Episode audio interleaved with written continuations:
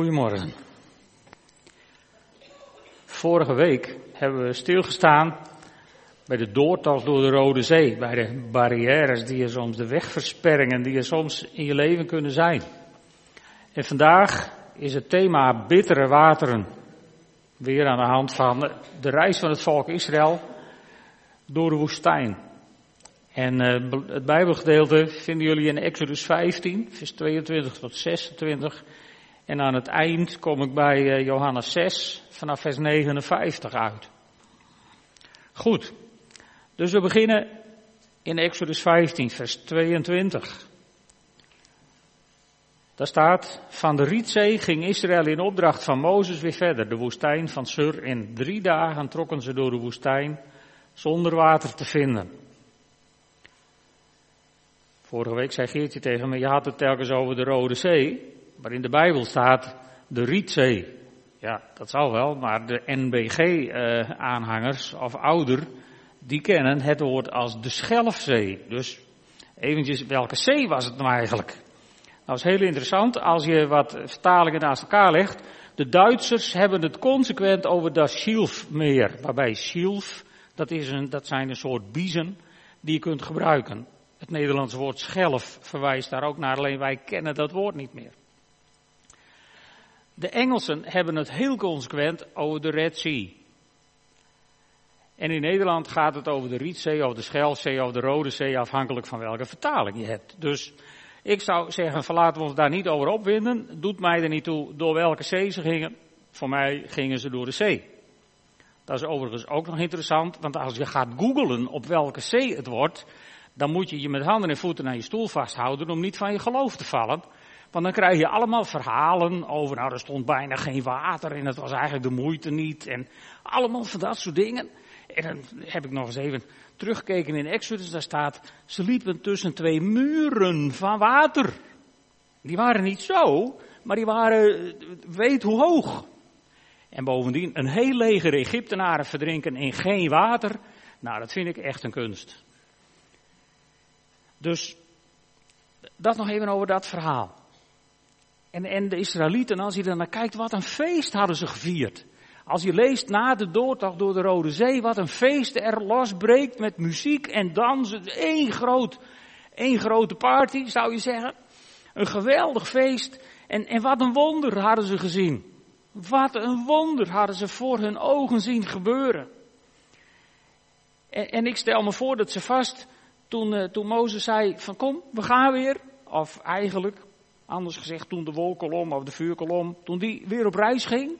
Toen gingen ze daar achteraan. Volgens mij zijn ze al dansend en zingend zijn ze vertrokken. Helemaal in de zevende hemel. Maar gaandeweg verstomde het gezang en nam het gedans wat af. En deed een ander lied zijn intrede. Wij hebben dorst en we hebben niks te drinken.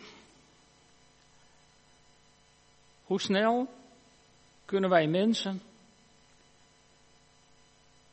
van zo'n zoet wonder vervallen in bitterheid. Heb je daar wel eens over verbaasd hoe hard dat kan gaan? Als God heeft ingegrepen, iets bijzonders heeft gedaan in je leven en er gebeurt maar dit wat je niet aanstaat. En de bitterheid doet in volle hevigheid zijn intreden. En hoe kon het volk Israël dat wonder dat wonder wat, zoals we vorige week hebben gezien, decennia lang nadreunde in de geheugens van hun vijanden, hoe konden ze dat zo snel vergeten? Wonderlijk. En dan komen ze bij water en dan is het niet te drinken. Zo kwamen ze in Mara, staat er in vers 23. Het water van Mara konden ze echter niet drinken, zo bitter was het. Vandaar ook dat die plaats Mara heet. Ja, wat was er met dat water? Ook daar hebben geleerden zich het hoofd over gebroken. Het zou kunnen zijn dat het een bron was die nog zo dicht bij de Rode Zee lag, dat het water brak was. Dus gewoon zoutachtig, zodat je er alleen maar meer dorst van kreeg. Dat is een probleem wat we hier in de kuststroken ook hebben. Hè? Als je te weinig zoet water hebt, dan komt het zoute water uit de grond omhoog en dan is dat niet te drinken. Heel bekend probleem. Misschien was het dat wel. Misschien was het ook wel zo vies dat je het zelfs na drie dagen dorst nog niet wilde drinken. Ik heb ook eens iemand uit horen leggen dat God juist er een bedoeling mee had. Want dat dat water niet alleen bitter was, maar dat de bittere substantie die erin zat een laxerende werking had, zodat alle restjes Egypte uit de Israëlieten zou gaan. Ja, als je dat realiseert met meer dan een miljoen mensen aan de diarree in een zandbak zonder sanitair, ja, dan word je pas echt zagrijnig. Dan kun je je voorstellen dat ze gaan mopperen. In ieder geval, waarom het ook bitter was, doet er niet toe. Ze hadden dorst en ze hadden niks te drinken. En ze pakken uit. Even nog over het Mara. Het is een bijzonder woord, het komt nog één keer voor in de Bijbel. Weten jullie waar? Ja, Naomi, heel goed. Heel goed, dat staat in uh, Rut 1, vers 20. Als Naomi terugkomt in het land met haar schoondochter, dan zegt ze tegen de mensen, noem mij niet Naomi, noem me Mara, want de ontzagwekkende heeft mijn lot zeer bitter gemaakt. De reactie van Naomi, die lijkt heel erg, die past typisch in de Israëlische traditie van het volk wat door de woestijn trekt. Want, want als je het verhaal een beetje kent, Naomi en haar man en haar zonen, die leefden in Israël en er was hongersnood. En in plaats van op God te vertrouwen, zoeken ze hun heil bij de heidenen. Ze reizen het land uit, want bij de heidenen is eten en drinken. Dat is dan nog tot daar en toe. Maar hun zonen, die, die gaan trouwen met heidense vrouwen, wat God expliciet had verboden. En het loopt helemaal op de kop verkeerd, de ene na de andere, het gaat dood. En uiteindelijk komt Naomi met alleen haar, haar schoondochter, komt ze terug in het land. En het frappante is dan dat ze zegt, de ontzagwekkende heeft mijn lot zeer bitter gemaakt. Net de mens. We zoeken overal ons heil, we doen alles wat God verboden heeft en als het fout loopt, heeft God het gedaan. En dan moet hij maar zien of je het weer recht zet. Zo gaat het met Israël ook. De hele woestijnreis door zie je, zie je dit soort problemen. Goed, terug naar het volk Israël. Kijk, Egypte was natuurlijk niet alles. Maar ze hadden geleerd ermee te leven. Zo is dat met ons vaak ook zo. Met bittere omstandigheden in ons leven leren we te leven, leren we om te gaan. In ieder geval was er alle dagen te eten en te drinken. En toen die Mozes kwam met zijn gezeur over een eigen land en over vertrekken uit Egypte, toen begon de ellende pas echt. Want toen moesten ze ineens veel harder werken en, en, en toen ging het helemaal niet goed. Waar was die goede oude tijd gebleven? En nu zeulen ze drie dagen door de woestijn in de brandende hitte zonder water. En hun tandvlees was inmiddels volgens mij redelijk pijnlijk geworden van het kauwen op die matses. Hoor, want ze zijn heel, heel lekker. Matses, kregen wij vroeger wel eens in de paastijd bij mij thuis met dik roomboter erop en een laag suiker. En dan waren ze heerlijk. Maar in de woestijn alleen maar die droge matses kauwen. Na drie dagen heb je geen tandvlees meer over. Dus reden genoeg om zagrijnig te zijn. En in Egypte, daar had je groente en normaal brood. Waar is die oude, goede oude tijd gebleven? En dan kom je eindelijk bij water en dan is het niet te drinken. Egyptisch water was veel beter. En waar is die Mozes met zijn geweldige ideeën nou? Waar is die goede oude tijd gebleven? Een vraag die menig mens zich wel eens afvraagt als het, als het wat minder gaat. Als het wat bitter wordt in je leven. En dan staat er in vers 24, het volk begon zich bij Mozes te beklagen. Wat moeten we drinken? zeiden ze. Het eerste wat je je afvraagt, moest ik, als ik dat lees, is denk ik, waarom beklagen ze zich bij Mozes? Waarom niet bij God? Menig voorganger vraagt zich dat volgens mij wel eens af. Waarom riepen ze niet tot God om weer een wonder? Hadden ze dan echt helemaal niks geleerd bij de Rode Zee? Hadden ze nou nog niet door dat als je voor een onmogelijke situatie kwam te staan, komt te staan, dat je dan bij God moet zijn? Kennelijk niet. Maar dan komen we bij vers 25. Mozes riep de Heer aan en de Heer wees hem op een stuk hout. Toen hij dat in het water gooide, werd het zoet. Daar in de woestijn gaf de Heer hun wetten en regels en daar stelde hij hen op de proef. Om te beginnen, even dat hout. God wijst Mozes op een stuk hout. Dat betekent dat God heel ver van tevoren heeft gedacht. Want bomen groeien in de woestijn heel langzaam. Dus God moet dat boompje gezaaid hebben minstens 200 jaar voordat het volk Israël daar kwam. Toen had hij voorzien in dat hout. Dat wijst eigenlijk vooruit op het kruis, wat God ook heel lang van tevoren voor ons mensen had klaargemaakt. Daar lezen we over in 1 Petrus 1. Daar zegt Petrus, die schrijft daar, u weet immers dat u niet met zoiets vergankelijks als zilver of goud bent vrijgekocht uit het zinloze leven dat u van uw voorouders had geërfd, maar met kostbaar bloed van een lam zonder smet of gebrek van Christus. Al voor de grondvesting van de wereld is hij door God uitgekozen en nu is hij aan het eind van de tijd verschenen omwille van u. Ook dat kruis, dat lag al lang klaar voor de grondvesting van de wereld. Want God heeft het redden van de wereld zo hoog op zijn agenda staan, dat alles daarvoor moet wijken. Voor de grondvesting van de wereld. Maar even terug naar ons vers 25. Ik heb het even in vier stukjes geknipt, om het stappenplan even te zien. En de volgorde eens even met jullie door te nemen. Mozes kiest hier de weg die wij allemaal zouden moeten kiezen wanneer we tegen een probleem aanlopen. Beginnen bij de Heer. Niet als laatste redmiddel, maar als eerste toevlucht. Dat is wat Mozes hier doet. Mozes die, die krijgt het voor zijn kiezen. En het eerste wat er staat vervolgens is, Mozes riep de Heer aan. En Mozes wist waar hij moest zijn met zijn probleem. Dus hij gaat naar God. En de tweede stap is, dat God hem wijst op het hout. Ook dat werkt nog altijd. Als je ergens tegenaan loopt in je leven en je roept God aan en je vlucht in de armen van de Vader, dan is dat wat de Vader doet, is je wijzen op het kruis, op het hout.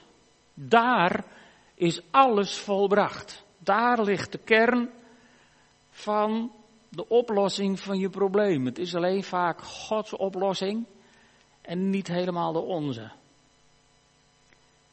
En dan is de derde stap, toen hij dat hout in het water gooide, werd het zoet. Weet je, als het verlossende werk van Jezus, als wij dat binnenlaten in onze situatie, hoe bitter of ongelukkig die situatie ook is, als je het verlossende werk van Jezus Christus toelaat in jouw situatie, dan wordt het minder bitter. Het bittere gaat eraf. Hier staat het water werd zoet. En, en zoet moeten we niet altijd verwarren met lekker. Ik bedoel, dit water wat hier staat, dat heet zoet.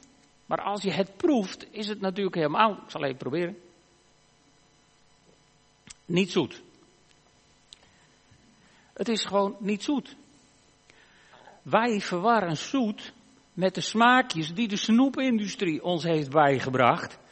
Maar als hier staat het water werd zoet, dan betekent dat dat de ongerechtigheid waardoor het water bitter was en niet te drinken, die ongerechtigheid werd weggenomen uit dat water. En daardoor werd het drinkbaar en dat noemen wij ook zoet water, maar Vitens blauw is niet zoet. De ongerechtigheid ging eruit. Weet je, als je, als je het kruis van Christus toelaat in jouw leven, dan gaat het bittere eraf dan wordt er afgerekend met ongerechtigheden, met foute dingen, met bittere dingen waar je ziek van wordt en waar je niet mee overweg kunt. Het bittere gaat eraf en het wordt hanteerbaar. Ook Paulus heeft dat ervaren toen hij in 1 Korinthe 15, vers 55 zo ver ging dat hij zei: Dood, waar is je overwinning? Dood, waar is je angel? Wil een christen graag dood? Nee, dat staat er niet, maar een christen is ook niet radeloos bang om dood te gaan. Zelfs daar gaat de bitterheid af. En dan gebeurt er nog een ding. God geeft wetten en regels. Niet om te pesten of om je te beperken, maar zoals het hier staat, om te kijken of wij God voldoende vertrouwen om ons aan zijn regels te houden. De dingen doen naar Gods regels is vaak een kwestie van geloof. Geloven wij dat het goed komt als we het doen zoals God het wil? Nou, het antwoord is in heel veel gevallen nee. Wij geloven God niet genoeg om de dingen te doen op de manier waarop God het wil. En daarom doen we het op onze eigen manier. En daarom is er zoveel rottigheid en ellende in deze wereld. Omdat we niet genoeg geloof hebben om het altijd op Gods manier te doen. En dan gaan we maar weer terug naar die discussie over het hout. Want ja, dat is uiteindelijk dan wat makkelijker, hè? dat leidt het wat af. Sommige mensen beweren dat Mozes daar een soort zoethout had gevonden. Dan moet je een heel groot geloof hebben, want je moet heel veel kubieke meters hout in zoveel water gooien dat een miljoen mensen ervan kunnen drinken. Dus ook ongelovigen hebben een mega geloof. Absoluut. Als je deze onzin pruimt. Dus ik zou het op een, een onverklaarbaar wonder willen houden. Wat hier weer gebeurde. Het is net zoiets wonderlijks als zout in het water gooien om het zoet te maken of meel in iets bitters om het eetbaar te maken. We hebben nog twee van die wonderen in de Bijbel waar het gaat over bitter, hè, wat je niet kunt eten. In 2 Koningen 2, daar staat het verhaal, de inwoners van Jericho, die komen bij Elisa en die zeggen, nou, de ligging van de stad is goed, zoals u ziet. Maar het water is slecht en de grond veroorzaakt misgeboorten. Wat wil je ook bijna op het strand van de Dode Zee, zou ik zeggen, maar goed. En Elisa die zegt, breng me een nieuwe schaal met wat zout erop. Ze brachten hem een schaal en Elisa ging naar de bron, strooide daar zout in, terwijl hij zei, dit zegt de Heer, hiermee zuiver ik dit water. Het zal geen sterfgevallen of misgeboorte meer veroorzaken en tot op de dag van vandaag is het water daar zuiver, zoals Elia heeft gezegd. Vreemd verhaal, vind je niet? Dat is een raar verhaal. Zout in het water gooien om het zoet te maken, dat is nog eens wat anders dan bitter eruit halen om het zoet te maken. Dat is nog logisch, maar dit, en dan even later hebben we nog zo'n verhaal. In 2 Koningen 4. Daar, daar is Elisa, gaat terug naar Gilgal. En er heerste in die tijd weer een hongersnood in het land. En toen hij een keer met de leden van de profetengemeenschap bijeen zat, droeg hij zijn knecht op een grote kookpot op het vuur te zetten en een warm gerecht voor hen te bereiden. Profeten hebben soms van die slimme opmerkingen, van die slimme opdrachten. Hè? Er is hongersnood in het land, dus je geeft je leerling opdracht om een pot op het vuur te zetten en een maaltijd te bereiden. Ja, natuurlijk, er is hongersnood in het land. Maar goed, die knecht die gaat op pad en die zoekt eetbare planten en die vindt iets. Een kruipende plant, een soort coloquint. Dus je moet oppassen met die dingen die daarachter liggen, die grote groene dingen. Zoiets vond hij. En uh, deze zijn veilig, want die komen voor een deel van mijn eigen tuin. Maar goed, hij plukt er dat wat van. En hij snijdt ze in stukjes, doet ze door het gerecht in de pot, want ze wisten niet wat het was. Het gerecht werd rondgediend en zodra ze het van proefden, schreeuwden ze het uit. Godsman, de dood zit in de pot. Ze konden geen hap door hun keel krijgen. Toen zei Elisa, breng me wat meel. Hij strooide wat meel in de pot en zei, schep iedereen opnieuw op. Nu kunnen ze ervan eten. En inderdaad, de bittere smaak was volkomen verdwenen.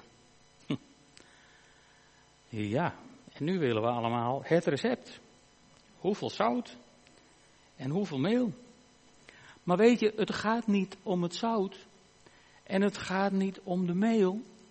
Het gaat om het principe dat als je tegen zo'n probleem aanloopt, dat je naar God gaat en dat je zegt, Heere, wat nu? En als God dan zegt, nou gooi er maar wat zout in, dan is het goed. Dat je niet begint te jeremiëren dat dat niet kan. En je scheikundeboek opzoekt om te bewijzen. Nee, maar dat je gewoon doet wat God zegt. Dat is het principe. Als je tegen onmogelijkheden aanloopt in je leven, dan ga je naar God. En dan wijst God je op het hout. En je wordt daarmee herinnerd aan het volbrachte werk van Jezus Christus op het hout. En heel vaak geeft God jou dan door zijn Heilige Geest de nodige ideeën of inzichten. En dan komt het erop aan dat je doet wat God je zegt. En dan komt het goed. Dat is de clue van deze verhalen. Niet om wat je waarin gooit, dat doet er helemaal niet toe. Het gaat om de gehoorzaamheid. En dat is waar, waar God voortdurend op uit is. En dan komen we bij het laatste vers van dit gedeelte. Dan zegt God tegen het volk Israël, als jullie de woorden van de Heer jullie God ter harte nemen, als jullie doen wat goed is in zijn ogen en al zijn geboden en wetten gehoorzamen, zal ik jullie met geen van de kwalen treffen waarmee ik Egypte heb gestraft. Ik ben de Heer, of ik, de Heer, ben het die jullie geneest. Of zoals in de NBG-vertaling staat, ik ben de Heer, jullie geneesheer. Ik ben Jehovah Rafa. Dat is wat God hier aan zijn volk zegt. En dit is geen nieuw dogma. God zet hier geen nieuwe leer neer, maar hij openbaart hiermee een stukje van zijn karakter. En dat karakter van God houdt een belofte in, maar die belofte is wel aan voorwaarden gebonden.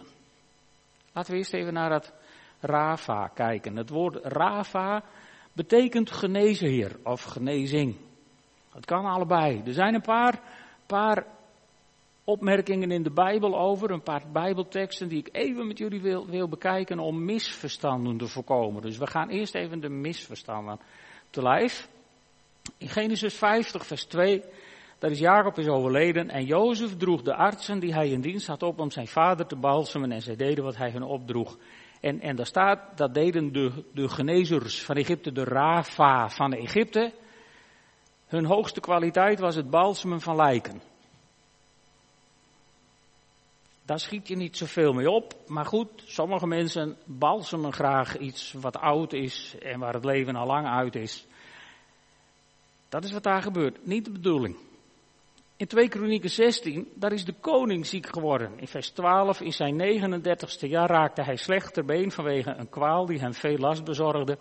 Maar toen hij ziek was, zocht hij zijn heil niet bij de heren, maar bij genezers. Dit staat hier niet als compliment, dit staat hier als, als het tegendeel van een compliment. Hè? Dus dit is geen dogma tegen de reguliere geneeskunde. En dan staat er in Job 13, vers 4, wat jullie dekken alles toe met leugens. Kwakzalvers zijn jullie allemaal. Nou, niet elke dokter is een kwakzalver. Even drie misverstanden die je gewoon weg moet doen. Verder betekent Rafa altijd geneesheer of genezing. Het heeft altijd met genezing te maken. En misschien wel de meest bekende staat in Jesaja 53, vers 5.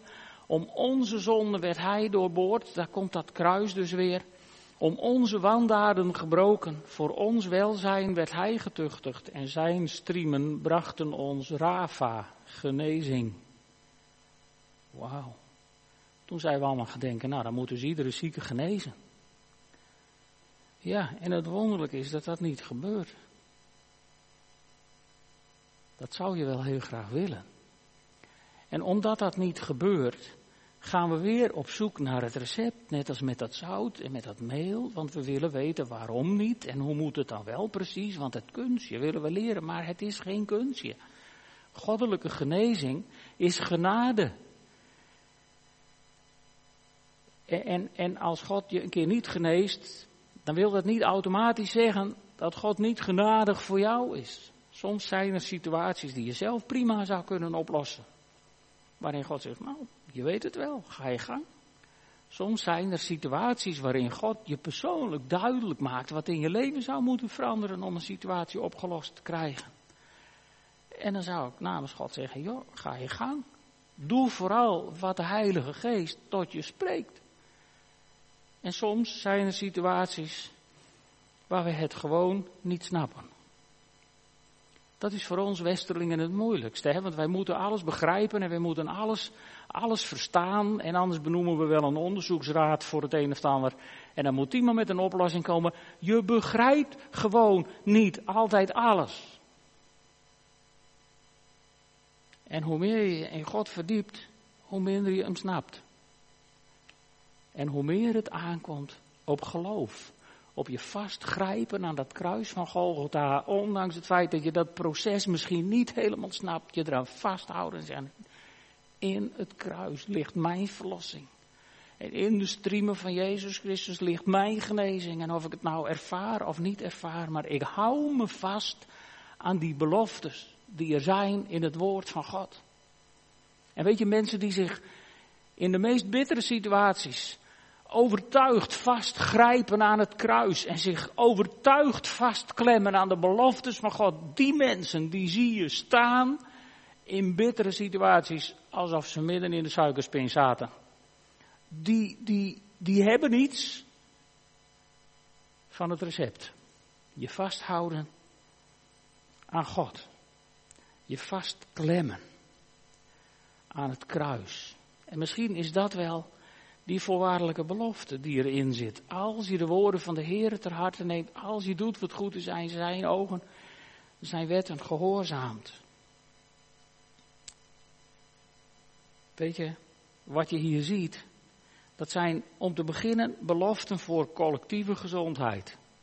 Onderstreept door een verklaring van God dat Hij daarover gaat. Dat Hij het in zijn macht heeft. En gezondheid was voor Semitische volken veel meer dan het ontbreken van ziekte. Wij focussen het ook veel te veel op dat ene puntje. Voor Semitische volken was een heelmeester een, een holistisch iemand. Wat betekent dat hij, dat hij zorgde voor een toestand van evenwicht in de hele mens. Dus naar lichaam, ziel en geest. De boel op orde. Flexibel, veerkrachtig. En het was ook gebaseerd op, op heelheid in het verleden, het heden, de toekomst. Het had ook met vergeving te maken, met verzoening. Het had het te maken met, met, met, met je onderwerpen aan de heiligheid van God. Het had met een hele hoop dingen te maken die wij Westerlingen zo makkelijk uit het oog hebben verloren. Maar het ging over collectieve gezondheid door collectieve gehoorzaamheid. En je ziet dat voortdurend terug in het hele Oude Testament. Het boek Richteren is daar het mooiste voorbeeld van. Het volk zondigt tegen God. God laat vijanden toe. Het volk roept weer tot God. En God redt met de vijanden. Dat kun je niet altijd individueel één op één betrekken. Maar dan nog, het idee dat er voorwaarden aan verbonden zouden zijn. Wij zijn soms net Grieken, we willen wel gered worden, maar zonder consequenties.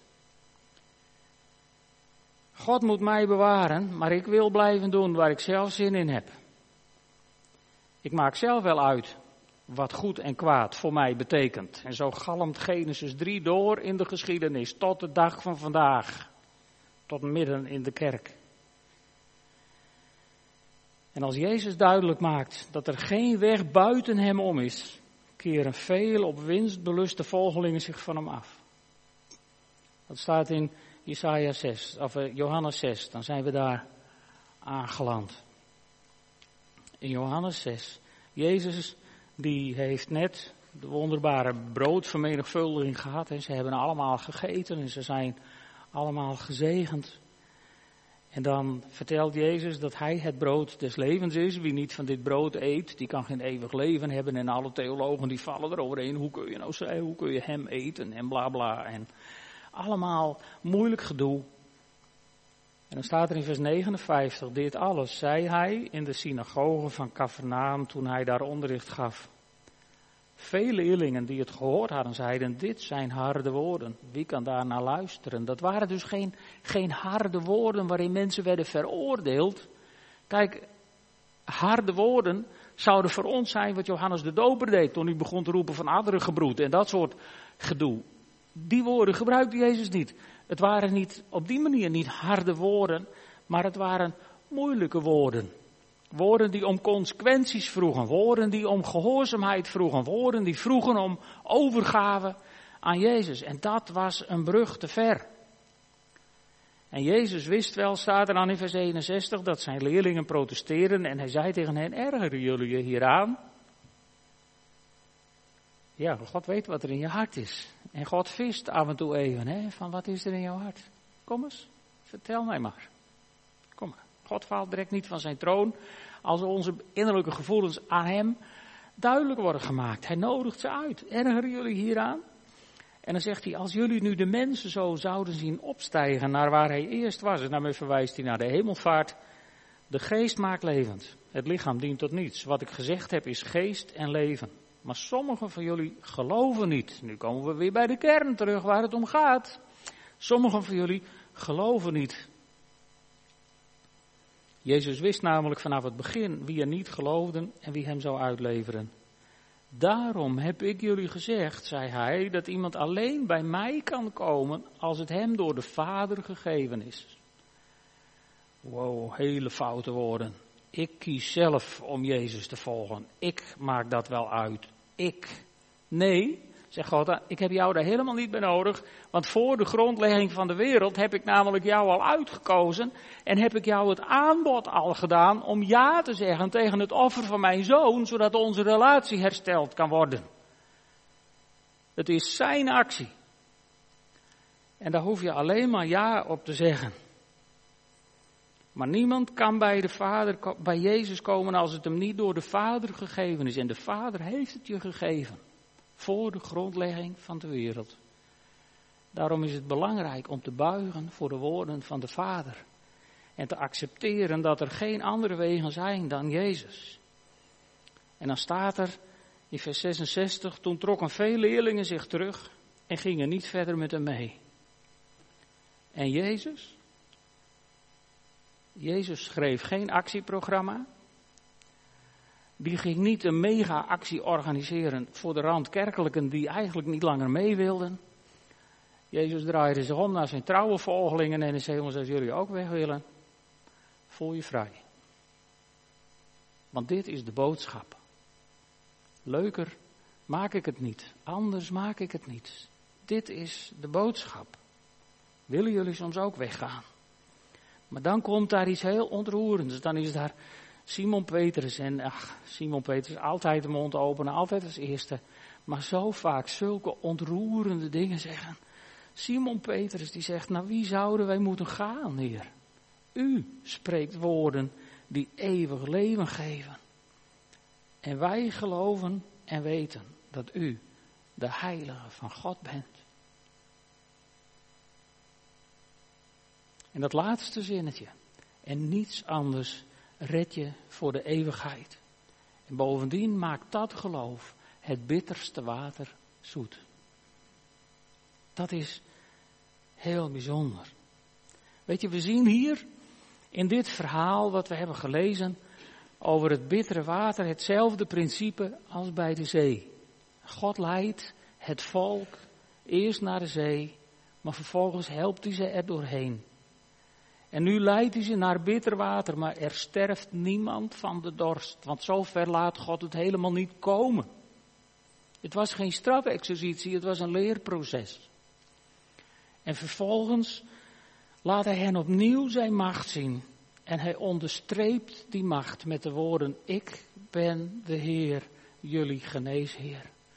Als het bitter wordt in jouw leven, als je het niet meer ziet zitten, als er momenten komen waarin je je vertwijfeld afvraagt van hoe nu verder. Lieve vrienden, zoek dan dat versus op over de reactie van Mozes. Weet waar je moet zijn, dan vlucht je in de richting van de Vader en zegt, Heere help. En dan wijst God je op het hout en dan weet je, ja, Jezus Christus stierf voor al mijn zonden en in zijn striemen is mij genezing geschonken. Dank u wel, Heer. U hebt in een oplossing voorzien. En dan zul je merken dat de bitterheid waar je in bent beland hanteerbaar is geworden. er zijn mensen die begrijpen wat ik bedoel. Als er situaties in je leven zijn die je zo graag anders zou willen, maar die alsmaar niet anders worden. En waarvan je misschien wel eens hebt gedacht, Heer, waarom doet u er niks aan? Is het niet zo dat toen je met, met, met, met de brokken in je handen bij de Heer kwam, dat Hij je op het kruis wees? Is het niet zo dat sinds die tijd de situatie misschien niet anders is, maar dat het bittere eraf is en dat ermee om te gaan is? Is het niet zo? De wereld zegt soms zo gemakkelijk voor situaties die we niet oplossen, daar moet je mee leren leven. Dat is flauwekul. Je kunt met heel veel situaties niet leren leven. Maar je kunt gedragen door de genezende kracht van God. Leren omgaan met situaties. Maar dan is het genade van boven. Dat is niet iets wat de mens in zichzelf heeft. Hij wil onze geneesheer zijn, die ons in ieder geval zo heel maakt dat we in elke situatie zonder bittere wortels kunnen overleven. Want per slot van rekening spreekt Hij en niemand anders woorden die eeuwig leven geven. Zullen we gaan staan en samen bidden? Vader in de hemel, soms brengt u ons in situaties die, ja, die niet lekker zijn. Bitter, vervelend, moeilijk, soms zelfs uitzichtloos. Maar juist in die situaties, heren, betoont u zich de machtige. Wijst u ons op het hout van het kruis van uw zoon. Heren, want u droeg aan het kruis al het bittere wat er in deze wereld was. Al onze ziekten, al onze teleurstellingen, al onze boosheid. Heer, u nam het allemaal mee. En zo trok u de bittere wortel eruit. Heer, zodat waar we ook staan in het leven, het hanteerbare is geworden. En dat is niet omdat wij zo handig zijn, maar omdat u zo goed bent. Heren, ik wil u loven en prijzen. Ik wil u eren en aanbidden.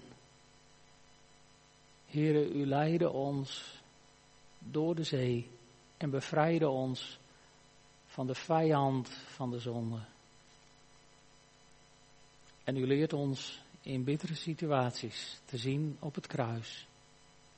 En u geeft ons daar woorden van eeuwig leven, zodat we kunnen staan in elke situatie. Heer, u bent onbegrijpelijk goed, onbegrijpelijk wonderbaar. Ik dank u voor uw liefde en voor uw genade in de naam van Jezus. Amen.